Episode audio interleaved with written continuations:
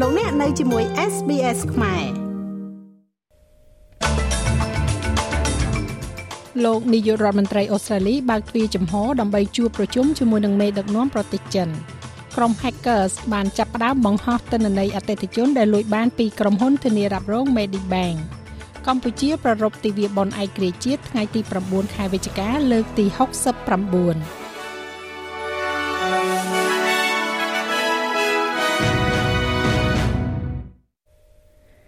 រដ្ឋមន្ត្រីក្រសួងការពារជាតិលោក Richard Marles បានបញ្ជាឲ្យកងកម្លាំងការពារជាតិអូស្ត្រាលីពិនិត្យលើរបាយការណ៍ដែលថាអតីតទាហានអូស្ត្រាលីត្រូវបានគេតាក់ទងឲ្យផ្ដល់ការវឹកវើដល់យោធាដល់ប្រទេសចិនលោក Males មានប្រសាសន៍ថាលោកមានការព្រួយបារម្ភចំពោះការអះអាងនេះដែលប៉ះពាល់ដល់អាតកំបាំងរបស់ប្រទេសហើយការវិតម្លៃស៊ីជម្រៅទៅលើគោលនយោបាយនិងនីតិវិធីការពារជាតិគឺចាំបាច់ លោករដ្ឋមន្ត្រីបានបន្ថែមថាអតីតបុគ្គលិកមានទំនួលខុសត្រូវនៅក្នុងការរក្សាភាពឯកជនរបស់រដ្ឋសម្រាប់អាជ្ញាធរ Commonwealth For those who do come into possession of our nation's secrets សម្រាប់អ្នកដែលចូលមកកាន់កាប់អាចកំបាំងរបស់ប្រទេសយើងមិនថាតែតាមរយៈការបម្រើនៅក្នុងកងកម្លាំងការពារជាតិអូស្ត្រាលីឬក៏ជាការបម្រើនៅក្នុងផ្នែកផ្សេងទៀតនៃរដ្ឋាភិបាល Commonwealth នោះទេគឺត្រូវមានកាតព្វកិច្ចយូរអង្វែងនៅក្នុងការរក្សាអាកំបាំងទាំងនោះឲ្យបានជារៀងរហូតទៅដរាបណាវានៅតែជាអាកំបាំងដែលកាតព្វកិច្ចនេះនៅតែបន្តកើតមានបន្ទាប់ពីការចូលរួមរបស់ពួកគេជាមួយនឹងរដ្ឋាភិបាល Commonwealth ហើយការបំពេញកាតព្វកិច្ចនោះគឺជាឧក្រិដ្ឋកម្មដ៏ធ្ងន់ធ្ងរករណីជាច្រើននៃការជ្រៀតជ្រែកពីបរទេសកំពុងត្រូវបានស៊ើបអង្កេតដោយប៉ូលីសសហព័ន្ធអូស្ត្រាលី AFP និងអង្គការស៊ើបការសន្តិសុខអូស្ត្រាលី ASIO រួមជាមួយនឹងកងកម្លាំងការពារជាតិអូស្ត្រាលី ADF ក្នុងពេលជាមួយគ្នានេះលោកនាយករដ្ឋមន្ត្រី Anthony Albanese និយាយថាលោកបើកចំហចំពោះគំនិតនៃការជួបប្រជុំជាមួយនឹងប្រធានាធិបតីចិន នៅពេលដែលលោកទៅចូលរួមកិច្ចប្រជុំកំពូលអន្តរជាតិជាច្រើនចាប់ពីចុងសប្តាហ៍នេះលោក Albanese និយាយថាលោកបានទុកទ្វារបើកចំហដើម្បីនិយាយជាមួយនឹងលោកស៊ីជីងពីងដែលនឹងមានវត្តមាននៅក្នុងកិច្ចប្រជុំកំពូល G20 នៅកោះបាលីក៏ដូចជា APEC នៅប្រទេសថៃ។ It will be an extensive uh, 9 days. វានឹងមានរយៈពេល9ថ្ងៃដ៏ទូលំទូលាយនិង9ថ្ងៃដ៏មមាញឹកយើងនៅតែកំណត់កម្មវិធីនៅឡើយខ្ញុំបានបញ្ជាក់យ៉ាងច្បាស់ថាការសន្ទនាគឺជារឿងល្អហើយដូច្នេះប្រសិនបើកិច្ចប្រជុំត្រូវបានរៀបចំជាមួយនឹងលោកស៊ីនោះនឹងជារឿងដែលវិជ្ជមាន។ សូមបញ្ជាក់ថាលោកនាយករដ្ឋមន្ត្រីនឹងចូលរួមក្នុងកិច្ចប្រជុំជាសកលនិងក្នុងតំបន់ចំនួន4ដែលរួមមានកិច្ចប្រជុំអាស៊ានអូស្ត្រាលីអាស៊ីបូព៌ា G20 និងកិច្ចប្រជុំកំពូល APEC ក្រុមលួចទិន្នន័យ ransomware បានចាប់ផ្ដើមបង្ហោះទិន្នន័យអតិថិជនដែលលួចបានពីក្រុមហ៊ុនធានារ៉ាប់រងសុខភាពដ៏ធំបំផុតរបស់ប្រទេសអូស្ត្រាលី នៅលើគេហទំព័รงងឹត។ ឈ្មោះអាសយដ្ឋាន ថ្ងៃខែឆ្នាំកំណើតនិងព័ត៌មានលម្អិតរាប់រយត្រូវបានបង្ហោះនៅលើប្លុកមួយដែលជាកម្មសិទ្ធិរបស់ក្រុមនេះពួក hacker បានទាមទារប្រាក់លួសដើម្បីបញ្ឈប់ពួកគេពីការចេញផ្សាយទិន្នន័យទាំងនេះក៏ប៉ុន្តែក្រុមហ៊ុន Medibank កាលពីដើមសប្តាហ៍នេះបាននិយាយថាខ្លួននឹងមិនបង់ប្រាក់លួសនោះទេព្រោះវានឹងជាការលើកទឹកចិត្តឲ្យមានឧក្រិដ្ឋកម្មបន្ថែមទៀត មិនយូរប៉ុន្មានបន្ទាប់ពីពាក់កណ្ដាលអាត្រាតយប់មិញនេះក្រុមនេះក៏បានបង្ហោះទិន្នន័យនៅក្នុងបញ្ជីដំបូងរបស់ពួកគេលោក George Newhouse នៃក្រុមហ៊ុន Metavi Sentinel Lawyers ដែលជាក្រុមហ៊ុនមួយបានស្នើសុំឲ្យអតិថិជនរបស់ Medibank ចុះឈ្មោះចំណាប់អារម្មណ៍របស់ពួកគេនៅក្នុងការដាក់ពាក្យបណ្ដឹងចំណាត់ថ្នាក់ជាក្រុមប្រឆាំងទៅនឹង Medibank លោកបានប្រាប់ស្ថានីយទូរទស្សន៍ប៉ុស្តិ៍លេខ7ថាអ្នកដែលទិន្នន័យផ្ទាល់ខ្លួនរបស់ពួកគេត្រូវបានចេញផ្សាយគួរតែទទួលបាននៅសំណង Companies need to be held accountable for their ក្រុមហ៊ុនត្រូវតែទទួលខុសត្រូវចំពោះសកម្មភាពរបស់ពួកគេ យើងប្រគល់ព័ត៌មានផ្ទាល់ខ្លួនលម្អិតទៅឲ្យក្រុមហ៊ុននិងរដ្ឋាភិបាល ហើយពួកគេត្រូវចាត់វិធានការយ៉ាងប្រុងប្រយ័ត្ន ប្រសិនបើគ្មានការរំខាននៅពេលដែលទិន្នន័យត្រូវបានបញ្ចេញទេនោះអ្នកដឹងថាវានឹងបន្តឥឡូវនេះរដ្ឋាភិបាលកំពុងនិយាយអំពីការផាកពិន័យការផាកពិន័យដ៏ច្រើនក៏ប៉ុន្តែតើវាជួយដល់បុគ្គលយ៉ាងដូចម្ដេចពួកគេត្រូវតែផ្លាស់ប្ដូរលិខិតឆ្លងដែនគណនីធនាគារគ្រប់ប្រភេទទាំងអស់ហើយពួកគេមិនទទួលបាននៅសំណងអ្វីនោះទេរដ្ឋាភិបាលសហព័ន្ធនិយាយថា គោលបំណងដើមដំបូងនៃគម្រោងធានារ៉ាប់រងពីការភាពជាតិ NDIS គឺមិនមែនដើម្បីគ្រប់គ្រងទៅលើជនជាតិអូស្ត្រាលីវ័យចំណាស់នោះទេខណៈដែលការប្រមូលផ្ដុំដើម្បីចាត់សកម្មភាពដាក់ពាក្យបណ្ដឹងជាក្រុមមកលើកម្មវិធីនេះកំពុងតែមានសន្ទុះឡើង។ ក្រមមេធាវីកំពុងតែរៀបចំពាក្យបណ្ដឹងជាក្រុមមួយតាំងនាមឲ្យបុគ្គលជាច្រើនដែលមានអាយុលើសពី65ឆ្នាំដែលមិនត្រូវបានគេរាប់បញ្ចូលនៅក្នុងកម្មវិធី NDIS ដោយសារតែវ័យរបស់ពួកគេប៉ុន្តែរដ្ឋមន្ត្រី NDIS លោក Bill Shorten មានប្រសាសន៍ថាក្រុងការនេះមិនដែលមានគោលបំណងគ្របដណ្ដប់ទៅលើមនុស្សគ្រប់គ្នានោះទេ។ When the legislation was introduced in uh 2013នៅពេលដែលច្បាប់នេះត្រូវបានណែនាំឡើងនៅក្នុងឆ្នាំ2013វាគឺជាចេតនាច្បាស់លាស់របស់សភា ដែល NDIS នឹងមើលថែទាំជនពិការរហូតដល់អាយុ65ឆ្នាំបន្ទាប់មកពួកគេនឹងត្រូវបានមើលថែទាំដោយប្រព័ន្ធមើលថែទាំមនុស្សចាស់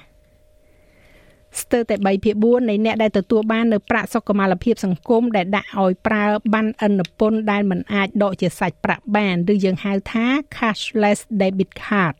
បានចាក់ចែងពីក្រុងការនេះបន្ទាប់ពីរដ្ឋាភិបាលប៉ា Labor បានលុបវាចោល។ លេខាធិការរងលោកស្រី Liz Heffrenweb មកពីនាយកដ្ឋានសេវាកម្មសង្គមបានប្រាប់ការសាកសួរនៅសាវនាការរបស់ព្រឹទ្ធសភានៅថ្ងៃពុធនេះ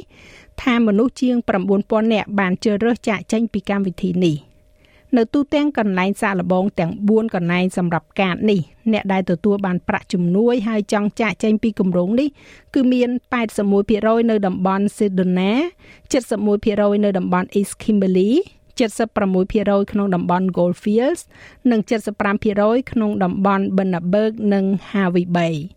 មានតែ55នាក់តែប៉ុណ្ណោះដែលបានបង្ហាញថាពួកគេចង់បន្តប្រើប្រាស់កាតនេះដោយស្ម័គ្រចិត្ត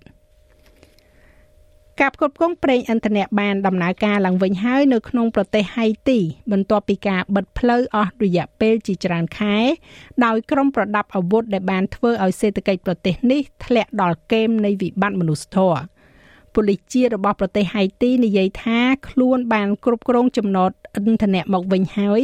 ជាកន្លែងដែលក្រុមក្មេងទំនើងប្រដាប់អាវុធបានជីកលេនឋាន និងបង្កើតរបាំងការពារដើម្បីបង្ការការចែកចាយប្រេងឥន្ធនៈឥឡូវនេះប្រេងឥន្ធនៈកំពុងតែចាក់ចេញពីស្ថានីយ៍ដោយមានប៉ូលីសប្រដាប់អាវុធអមរថយន្តដឹកប្រេងទាំងនោះអ្នកបើកបររថយន្តលោក Gabriel Sammy និយាយថាលោករីករាយដែលឃើញការបិទផ្លូវនេះ ឈានដល់ទីបញ្ចប់ The whole population felt the effect ប្រជាជនទាំងមូលមានអារម្មណ៍ថារងផលប៉ះពាល់ដោយសារតែការខ្វះខាតប្រេងឥន្ធនៈព្រោះវាគឺជាអ្នកផលិតដ៏សំខាន់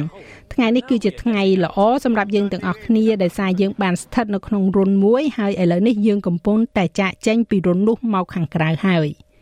កង្វះខាតប្រេងសាំងនិងម៉ាស៊ូតបានបញ្ឈប់សកម្មភាពសេដ្ឋកិច្ចស្ទើរតែទាំងស្រុង រួមទាំងវិស័យដឹកជញ្ជូននិងមន្ទីរពេទ្យហើយបានបង្ខំឲ្យម្ចាស់អាជីវកម្មនៅក្នុងស្រុកជាច្រើនត្រូវបិទទ្វារប្រតិបត្តិការរបស់ពួកគេ។នៅក្នុងប្រទេសកម្ពុជាវិញ គឺកំពុងតែប្រារព្ធនៅទិវាបុណ្យឯករាជ្យជាតិថ្ងៃ9វិច្ឆិកាលើកទី69នៅថ្ងៃនេះក្រោមព្រះរាជធិបតីដ៏ខ្ពង់ខ្ពស់នៃព្រះករុណាព្រះមហាក្សត្រសម្ដេចព្រះបរមនាថនរោត្តមសីហមុនីរួមទាំងថ្នាក់ដឹកនាំជាតិកម្ពុជាកម្ពុជា ទិវានេះគឺជាការរំលឹកដល់ឧបការគុណ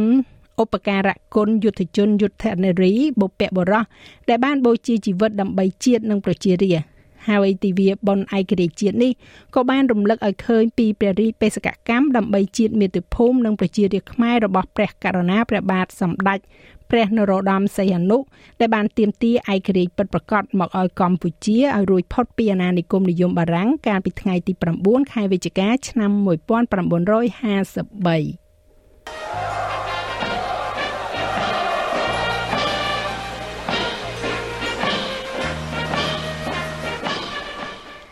ចាស់ឲ្យលោកមេងផល្លានឹងជួនសេចក្តីរាយការណ៍លម្អិតនៅវគ្គក្រោយបន្ថែមទៀតឬលោកអ្នកអាចចូលស្ដាប់របាយការណ៍ពេញនៅលើគេហទំព័ររបស់យើងនោះគឺ sps.com.au/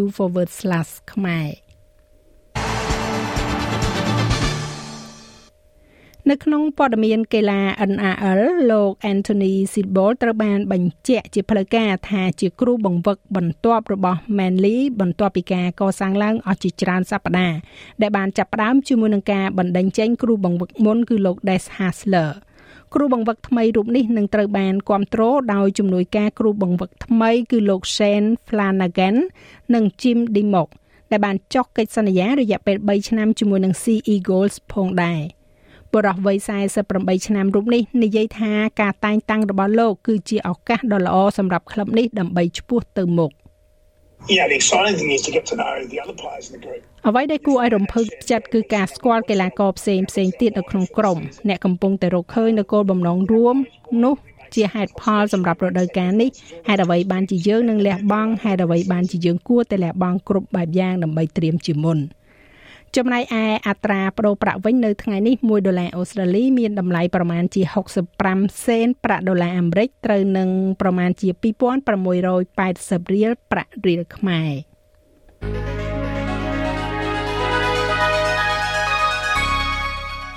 ចាឥឡូវយើងក៏លេខមកមើលការព្យាករណ៍អាកាសធាតុសម្រាប់ថ្ងៃព្រហស្អែកនេះវិញ នៅទីក្រុងផឺតមានរលឹមបន្តិចបន្តួច22អង្សា អាចនឹងមានរលឹមនៅពេលព្រឹកនៅអាដាលេដ24អង្សា នៅមែលប៊នរលឹមខ្លាំងឡើងខ្លាំងឡើង26អង្សា នៅហូបាតអាចនឹងមានរលឹមនៅពេលយប់27អង្សា មានពពកដោយពេលនៅខេនបេរ៉ា23អង្សាដូចគ្នានៅស៊ីដនី23អង្សា ហើយនៅ Brisbane មានពពកដោយពេលដែរ26អង្សាក៏ដូចគ្នានៅ Cairns 31អង្សា ទីក្រុង Darwin មានរលឹមអាចនឹងមានព្យុះ33អង្សា និងនៅទីក្រុងភ្នំពេញមានផ្គររន្ទះរាយប៉ាយ33អង្សា